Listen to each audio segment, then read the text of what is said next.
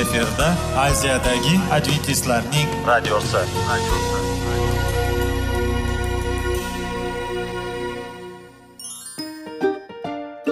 assalomu alaykum aziz radio tinglovchilar sog'liq daqiqasi rubrikasiga xush kelibsiz. Zero tananing sog'lom bo'lishi va uning kasalliklardan saqlash har bir insonning burchi hisoblanadi. Inson uchun bebaho boylik bu sog'liq salomatlikdir. Uni asrash esa har birimizga omonat qilib berilgan. Shuning uchun ham inson o'z sog'lig'ini ehtiyot qilishi va ajib amallardan hisoblanadi. Dono xalqimiz sog'liq tuman boylik deb bejiz aytmagan. Aql idroq sohibi bo'lgan inson o'z hayotini qadrlashi lozim bo'ladi. Hozirgi kunda qanchalik dori darmonlar ko'paymasin tibbiy muassa sifati shifokorlar vasiyasi tibbiy texnika yaxshilanmasin. Agar insonning o'z salomatligi haqida qayg'urmasa kutilgan natijaga erishib bo'lmaydi va biz sizlarga bizning dasturimizga xush kelibsiz deymiz.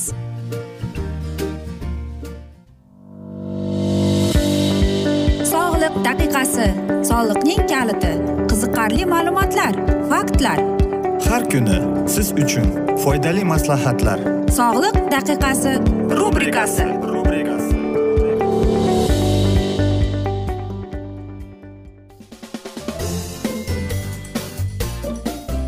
assalomu alaykum aziz radio tinglovchilar. Dasturimizga xush kelibsiz va biz sizlar bilan tana va sog'liq degan dasturda xushvaqt bo'ling deb aytamiz. Va bugungi bizning dasturimizning mavzusi insult deb nomlanadi.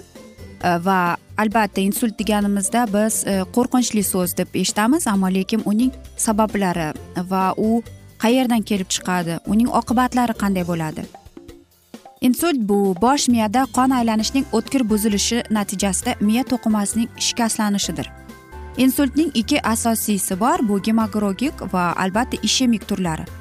Gemoragik e, insultda bosh miya to'qimasiga qon quyiladi. Ishemik e, insultda esa e, bosh miyani oziqa bilan ta'minlovchi asosiy qon tomirlari ya'ni tromboz berkilishigida uchraydi. Yoki mayda tomir tarmoqlarida spazm rivojlanib keladi. Insult rivojlanishining xavfini oshiruvchi jihatlar bor. Arterial gipertonik yoki stenokardiya nasl suruvchi salbiy irsiyat ya'ni qarindosh urug'lardan birontasi insult yoki miokard infarktga yo'liqqan bo'lsa chekish yoki alkogolni suiiste'mol qilish chekish insult e, ehtimolini kuchaytiradi. Chekishni tashlagandan keyin insult xavfi pasayadi va besh yildan so'ng bemor chekmaydigan odamday bo'lib qoladi. Bemor ellik oltmish yoshdan oshgan bo'lsa qandli diabet miokard infarktiga yo'liqqanlar bosh miya qon aylanishining surunkali buzilishi belgilari ya'ni xotira pasayishi uyqu buzilishi bosh og'rig'i bosh aylanishi boshdagi shovqin ko'zning xiralashi tananing yarmidagi uvishishlar yoki insult o'tkazgan e, bemorlar. Tez tez asabiylash artemiya yoki tromblar hosil bo'lishiga moyillik ya'ni qonning ortiq darajada quyilishi hisoblanadi. Sezgining to'satdan buzilishi ya'ni yuz qo'l va oyoqlarga xususan tananing yarmida uvishish yoki kamquvvatlik paydo bo'lib qolishi. To'satdan tildan qolish yoki so'zlarni aytish yoki tushunishda matnni o'qishda qiynalish. Bir yoki ikki ko'zning keskin yomon ko'ra boshlashi. Birdaniga harakat mo'ljaning buzilishi chayqalib yurish keskin bosh aylanishi. O'zidan o'zidan paydo bo'lgan anglab bo'lmaydigan e, bosh og'riq va qusishlar mana aziz do'stlar sizlarga mana shunday belgilar insultning va ularning qanday oqibatlarga olib kelishi. Qarangki gemorak e, insultda barcha belgilar ishemik insultdagina qaraganda ancha yakkol ko'rinib turadi. Bundan tashqari e, gemoragik e, insultda bemor qusadi yuzi qizaradi uyquchan bo'ladi. Ensa mushaklarda spazm ro'y beradi. Ko'z to'r pardasida qon quyilib kasallik bilan birdan boshlanib avj oladi. Ishemik insult odatda asta sekin rivojlanadi ishemik insultda o'tkinchi miya qon aylanishining buzilishi nuqsonlarni bir necha oy yil oldin paydo bo'ladi. Ular insult belgilariga o'xshaydi biroq bir necha daqiqada e, kamdan kam hollarda bir necha soat mobaynida taxminan yigirma to'rt soatgacha davom etishi bilan farq qilar ekan. Ko'pincha bu simptomlar tezda o'tib ketadi va miya faoliyatini tezda tiklaydi. Lekin bunday tiklanishlarga ishonmaslik kerak. Va ishemik kasallik yillar davomida surunkali ravishda miya to'qimalarini yemirib boradi. Kishi o'zida quyidagi noxush belgilarni sezsa kechga qoldirmasdan tibbiy ko'rikdan o'tish kerak. Ya'ni parhez og'ir ahvolda bo'lganiga qaramay insultdan keyin birinchi kundanoq goho ikkinchi kundan bemorga ovqat beriladi. Birinchi ovqat berilganda bemor uni yutolmaydi yo'qmi? Uni tekshirishadi. Tekshirish choy qoshiqda sovuq suv tutib uni tutishni iltimos qilish kerak. Bemor suvni oson yutib o'qchimasa iliq va suyuq ovqat beraverish mumkin. Aql hushi joyida va yutish ya'ni ovqatlanish faoliyati buzilmagan bemorlar dastlabki ikki uch kunda suyuq sho'rva suvi meva sharbatlari keyin esa yumshoq yoki qurilgan quyuq ovqat iste'mol qilsa bo'ladi. Aysalan maxsus e, parhez masalliqlardan va suv irg'ichich orqali bolalarda mo'ljallangan ovqatlardan suyuq ozuqalardan berish maqsadga muvofiqdir. Ovqat iliq totli va to'yimli bo'lishi kerak. Bemorni ehtiyotkorlik bilan kichik qoshiqda oz ozdan undan ham oldirib ovqatlaridan ovqatning nafas yo'llariga ketib qolishidan ehtiyot bo'lish kerak. E, Goho bemor yeb ichishdan bosh tortadi. Bunday holga e, bosh miyaning ishtaha va chanqoqlikka javob beruvchi ayrim qismlarning shikastlanishi sabab bo'ladi. E, ruhiy hayajon siqilish ham ishtahaga salbiy ko'rsatish mumkin ekan. Bunday holda bemorni tinchlantirish tasalli berish va bemorga yaxshi ovqatlanish muhimligini tushuntirish ma'qulroqdir. Albatta insult bilan kasal bo'lgan insonni biz uning ahvolini ko'rib tushunib turamiz. Ammo lekin unga siqilish yoki uni bezovta qilish umuman mumkin emas. Shuning uchun ham e, sizlarda mana shunday biz yuqorida aytib o'tganimizdek alomatlar bo'lgan bo'lsa unda darhol o'zingizni shifokorga ko'rsatishingiz majburiy. Chunki insult bu og'ir kasalliklardan hisoblanadi e, va qarangki hozirgi zamonda yigirma birinchi iqlimda juda ko'p odamlar o'ziga bee'tibor bo'ladi va ko'p kasalliklar ayniqsa mana shunday insult kabi kasalliklar odamni kutilmagan joyda ushlab qolishi mumkin. Shuning uchun e, biz sizlarga mana shunday maslahat berardik. Insonlar e, hamma inson bir yilda ikki marhal e, tibbiy ko'rikdan o'tib turishi kerak. Va albatta shundagina siz o'z sog'lig'ingizga e'tiborli bo'lib o'zingizga e, ko'nglingiz ham xotirjam bo'ladi. Va mana shunday asnoda biz bugungi dasturimizni afsuski yakunlab qolamiz. Chunki bizning dasturimizga vaqt birozgina chetlatilgani sababli lekin keyingi dasturlarda albatta mana shu mavzuni yana o'qib eshittiramiz. Va sizlarda savollar tug'ilgan bo'lsa biz sizlarni salomat klub internet saytimizga taklif qilib qolamiz. Va aziz do'stlar biz umid qilamizki siz bizni tark etmaysiz deb chunki oldinda bundanda qiziq bundanda foydali dasturlar kutib kelmoqda. Va biz sizlarga va yaqinlaringizga sog'lik salomatlik tilab xayrlashib qolamiz. Omon qoling deymiz.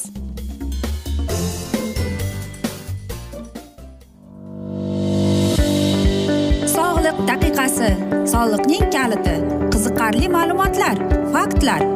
Har kuni siz uchun foydali maslahatlar. Sog'liq daqiqasi rubrikasi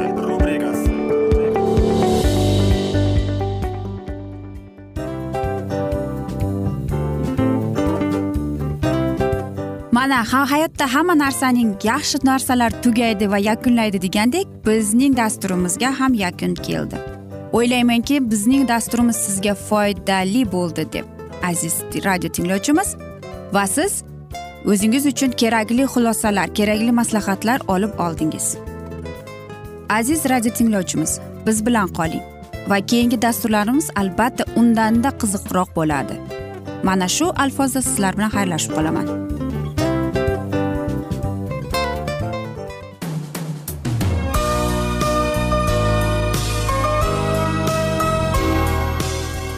Efirda aziyadagi adventistlarning radiosi.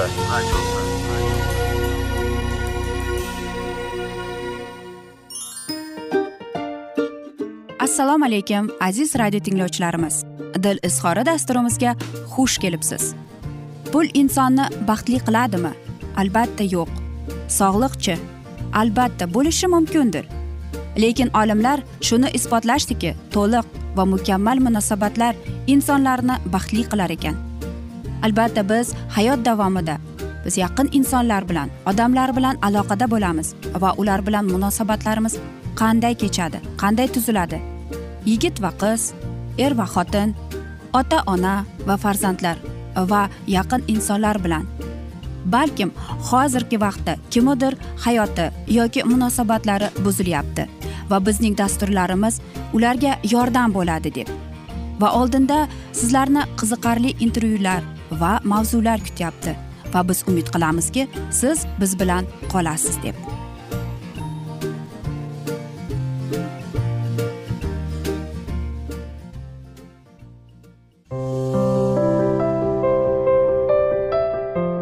Kuni har xil kasbdagi odamlar bilan sirlashish va bo'lishish sevgi rashq munosabat bularni hammasi dil izhori rubrikasida.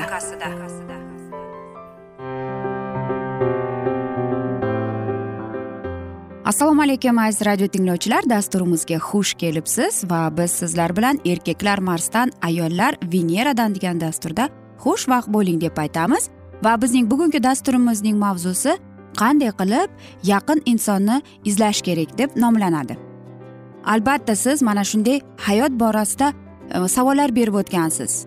Yoki masalan siz juft halol izlayapsiz va mana shunday savolni bergansiz. Qanday? Qanday qilib men o'zimga yaqin bo'lgan insonni izlab va qanday uni topa olaman deb? Qarangki bugungi dasturimiz aynan mana shular haqida. Biz e, ko'pchiligimiz e, mana shunday so'zlarni mana shunday savolni berganimizda aytamiz. U qanday bo'lishi kerak deb. Avvalambor albatta siz qanday insonni xohlaysiz yoningizda bo'lish uchun? Yoki u chiroyli bo'lsinmi? Yoki didli bo'lsinmi? Yoki diyonatli bo'lsinmi? Hamma sizni qiziqtirayotgan savollaringizga javobni ham o'zingizga o'zingiz bera olasiz. Chunki faqatgina siz bilasiz qayda sizga insonlar kerak. Masalan shunday insonlar borki ular og'ir vazmin insonlarni yoqtiradi. Yoki kimdir og'ir vazmin inson bo'lsa u xushchaqchaq insonni yoqtiradi. Lekin ko'plab borasida mana shunday e, biz insonlarni uchratamizki ular folbinga borishadi. Va albatta ular folbinga ko'rishib aytadi men mana shunday turmush o'rtoq izlayapman meni nima kutyapti? degan. Albatta mana shunday narsani o'zi bo'lmaydi. Chunki bu noto'g'ri. Hech kim bilmaydi ertaga nima bo'lishini. Shuning uchun ham mana shu folbinlarning foydasi bormikin? Ular umuman bashorat bo'larmikin degan savollar kelib chiqadi. Masalan siz insonni topdingiz va albatta u bexosdan bo'ladi. Yoki inson qanday haqiqatni bo'lishni xohlaydi. Aytaylik u inson qanday bo'ladi? Uni bo'yi uzun bo'ladimi? Yoki og'ir vazmin bo'ladimi? Men hayot davomida aynan o'sha inson bilan o'tkazib yuboramanmi? Yoki yo'qmi deb. Albatta agar siz do'stlar yoki turmush o'rtog'i izlayotgan bo'lsangiz ko'plab savollar bor. Lekin bizning yurtimizda bizning mamlakatimizda ko'pni e, jufti halolni bizga ota onalar topib beradi. Ya'ni ota onalar o'zlari Э, ko'rgan e, masalan qizni ko'rib qolsa uni yoqtirib surishtirib va albatta oxirida ularga sovchilikka borishadi. Unday bo'lmasachi.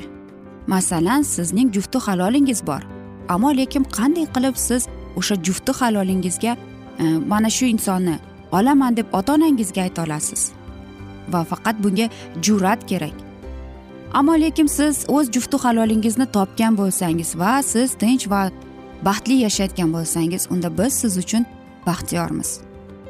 Va siz aytasizki yo'q men hali uylanmaganman yoki turmushga chiqmaganman desangiz siz savol berasiz men o'sha insonni qayerda uchratib qolishim mumkin deb. Hamma joyda ko'chada magazinda avtobusda yoki hattoki siz do'stlaringiz bilan sayohatga borganingizda ham uchratib qolishingiz mumkin ekan. Qarang Э, hozirgi э, mana shunday yigirma birinchi iqlimda bir modalar bor. Bu ya'ni aytaylik ijtimoiy tarmoqlardan tanishadi. Lekin bu to'g'rimikin? Chunki bu internetdan tanishuvi yaxshilikka olib kelmaydi. Masalan siz bilmaysiz o'sha inson qanday u? Hayotning uning hayoti qanaqa? U yaqinlari bilan qanaqa munosabatda bo'ladi? Keling men sizlarga bir ikki e, E, mana shunday misollarni olib kelaman ya'ni qarang. Keling tasavvur qiling bir erkak kishi uyga keladi. U hali uylanmagan va albatta qo'liga nima oladi? E, gazetani oladi. U yerda nimani o'qiydi degan savol kelib chiqadi. Va mana erkak kishi qirq yetti yosh e, qachondir uylangan lekin ajrashib ketgan yomon odatlari yo'q yaxshi madaniyatli deb tanishaman deydi. Va u aytadi men mana shunday chiroyli va ozg'in ayol bilan tanishgim kelyapti deydi. Yoki mana shunday e'lonlarga duch kelib qolamiz. Men e, chiroyli va xushbichim ayolni izlayapman deb uning yoshi taxminan o'n sakkiz yigirma besh yoshda deb. O'zim haqida esa deydi o'ttiz yosh o'ttiz uch yoshdaman e, va men e, to'liq pulga muhtoj emasman deydi. Xo'sh mana shu joylarda savol kelib chiqadi. Agar senda hamma hayotingda hamma narsa yaxshi bo'lsa nega sen mana shunday e'lonlarga berding? Albatta siz aytasizki bu e'lonlarning tarixi qayerdan kelib chiqqan? Qarangki buning qiziq joyi shunda ekanki o'n yettinchi asrda kelib chiqqan ekan bu narsa. Bu eng birinchi e'lon shunday bo'lgan ekan. E, menga turmush o'rtoq kerak. E, uning unda yuzta qo'y bo'lishi kerak unda uy bo'lishi kerak deb. Mana shunday birinchi e'lon bo'lgan ekan. Xo'sh qaysi parametrlar bilan biz yaqin insonni izlashimiz kerak? Birinchidan uning ko'ngli xarakteri aqli uning lavozimi puli va tanasi. Qarang mana shunday. U parametrlarga bog'liq bo'lsa demak u sizning insoningiz. Aziz do'stlar aytmoqchimanki har qanday siz mana shunday baxtni izlagan chog'ingizda ham baribir bir biringizni yaxshi bilib tanishib o'rganib olmaguningizgacha bu judayam murakkab narsa hisoblanadi. Chunki internetda tanish boshqa gazeta orqali tanishish umuman boshqa lekin hayotiy tanishuvlar umuman boshqacha bo'lib keladi. Shuning uchun agar siz o'z baxtingizni hali topmagan bo'lsangiz biz sizlarga bu borada baxt tilab qolamiz. Va mana shunday asnoda biz afsuski bugungi dasturimizni yakunlab qolamiz chunki dasturimizga vaqt birozgina chetlatilgani sababli lekin keyingi dasturlarda albatta mana shu mavzuni yana o'qib eshittiramiz. Va biz umid qilamizki siz bizni tark etmaysiz deb chunki oldinda bundanda qiziq va foydali dasturlar kutib kelmoqda. Va biz sizlarga baxt saodat tilab yuzingizdan tabassum hech ham ayrimasin deb xayrlashib qolamiz.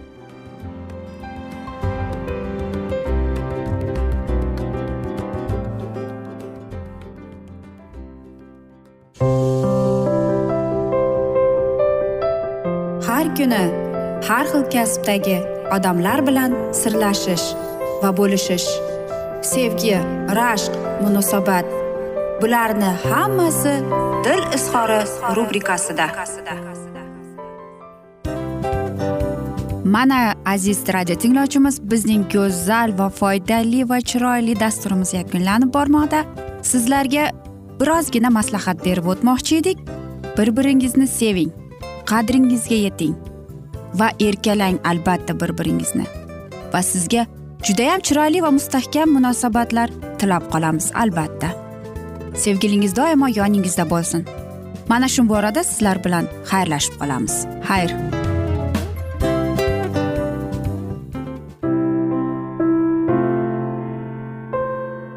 Hayotning noni. Qiziqtirgan savollar va javoblar. Buning hammasi ko'ngil uchun oziqa rubrikasida.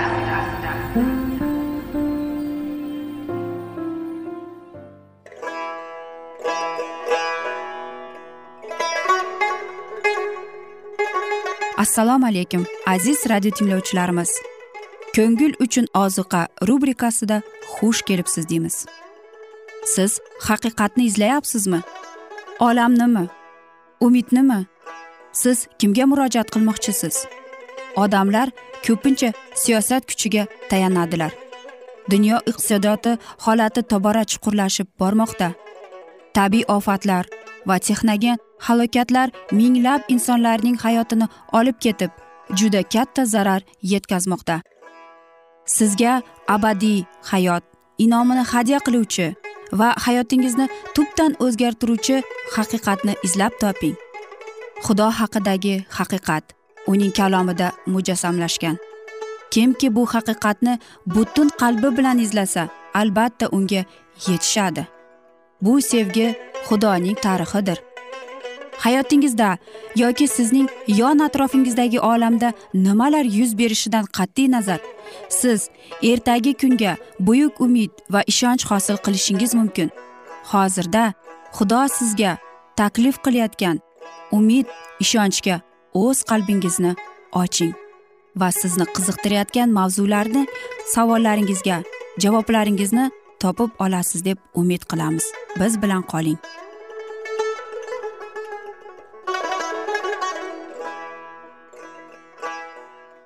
Assalomu alaykum aziz radio tinglovchilar. Dasturimizga xush kelibsiz va biz sizlar bilan ulug' kurash degan kitobni o'qib eshittirishni boshlagan edik va bugungi dasturimizning mavzusi hayot kitobi bilan yuzma yuz deb nomlanadi va biz sizlar bilan o'tgan galgi mavzuni bugun davom ettiramiz.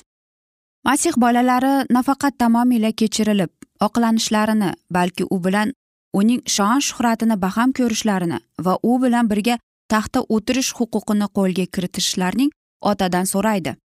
Iso uning huzur halovatini qabul qilganlarni himoya qilayotgan bir paytda iblis ularni xudo oldida bosqinchilar sifatida qoralaydi. Yo'ldan ozdiruvchi makkor yo'llarni xudoga ishonmaslikka uning sevgisini inkor etishga va uning qonunini buzishga undab ularni gumrohlikka va xudoga bo'ysunmaslikka majburlaydi. Endi insonlarning hayotidagi yo'l qo'yilgan kamchiliklarni iblis ro'kach qilardi.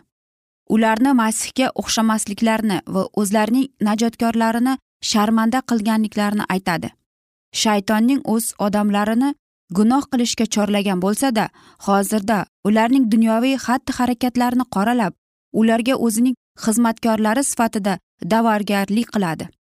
Iso ularning gunohlarini kechirmaydi ammo tavba qilishga da'vat etib ishonch e'tiqodi uchun ularning gunohidan o'tishni otadan so'raydi.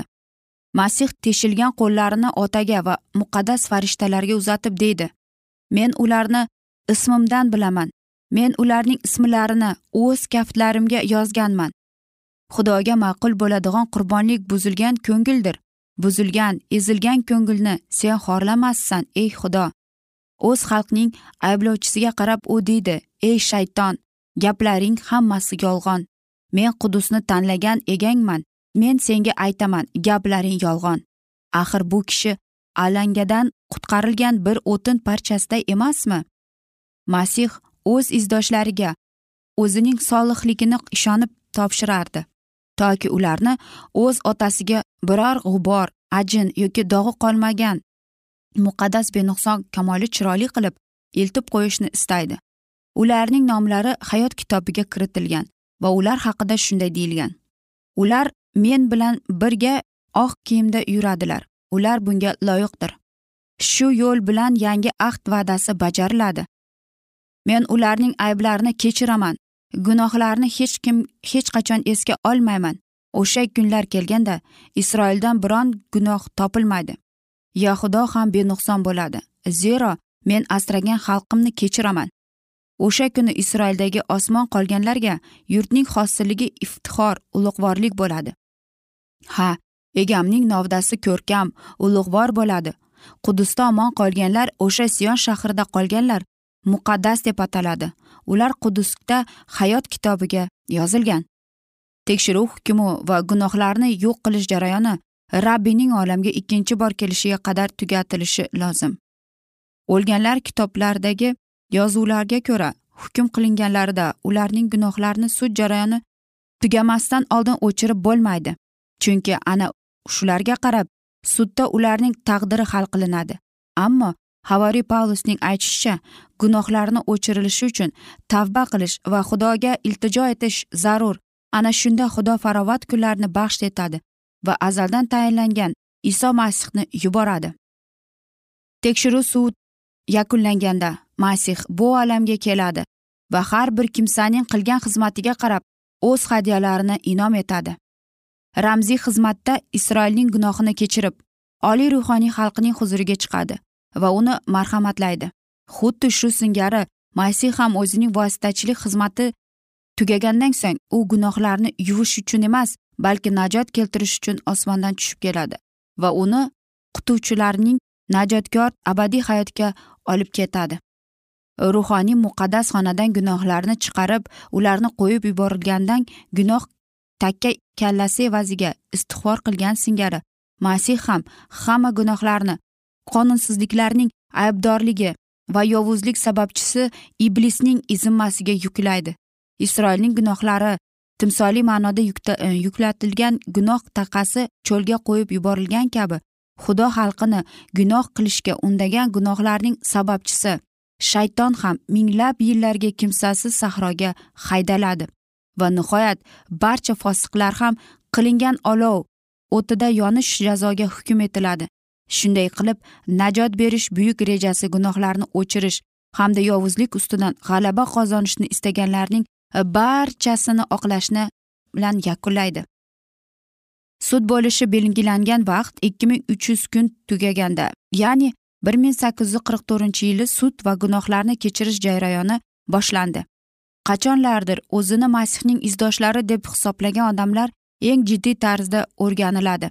Tiriklar ham o'liklar ham kitobda yozilgan o'z ishlariga ko'ra hukm qilinishlari kerak. Insonlar tomonidan tan olinmagan va tavba qilinmagan gunohlar kechirilmaydi. Xudoning hukm kunigida ularga guvohlik berish uchun kitobida yozilgancha qoladi. Odam kuppa kunduzi yoki qorong'u zulmatda yovuzlik qilgan bo'lsada biroq bizni hukm qiluvchi zot buni baribir fosh qilib tashlaydi. Xudoning farishtalari har bir gunohi ko'radiganlar va nihoyatda aniqlik bilan uni qayd qiladilar. Gunohni otadan onadan xotin bolalar va do'st birodarlardan yashirish inkor etish yoki sir saqlash mumkin. Ehtimol gunohlardan tashqari qilingan gunoh haqida hech kim xabar topmasligi mumkin ammo u osmon nazaridan chetda qolmaydi. Aziz do'stlar mana shunday asnoda biz afsuski bugungi dasturimizni yakunlab qolamiz. Lekin sizlarda savollar tug'ilgan bo'lsa biz sizlarni adventis tochka ru internet saytimizga taklif qilib qolamiz va albatta biz sizlarga va yaqinlaringizga sog'lik salomatlik tinchlik totuvlik tilagan holda o'zingizni va yaqinlaringizni ehtiyot qiling deb xayrlashib qolamiz. Omon qoling deymiz.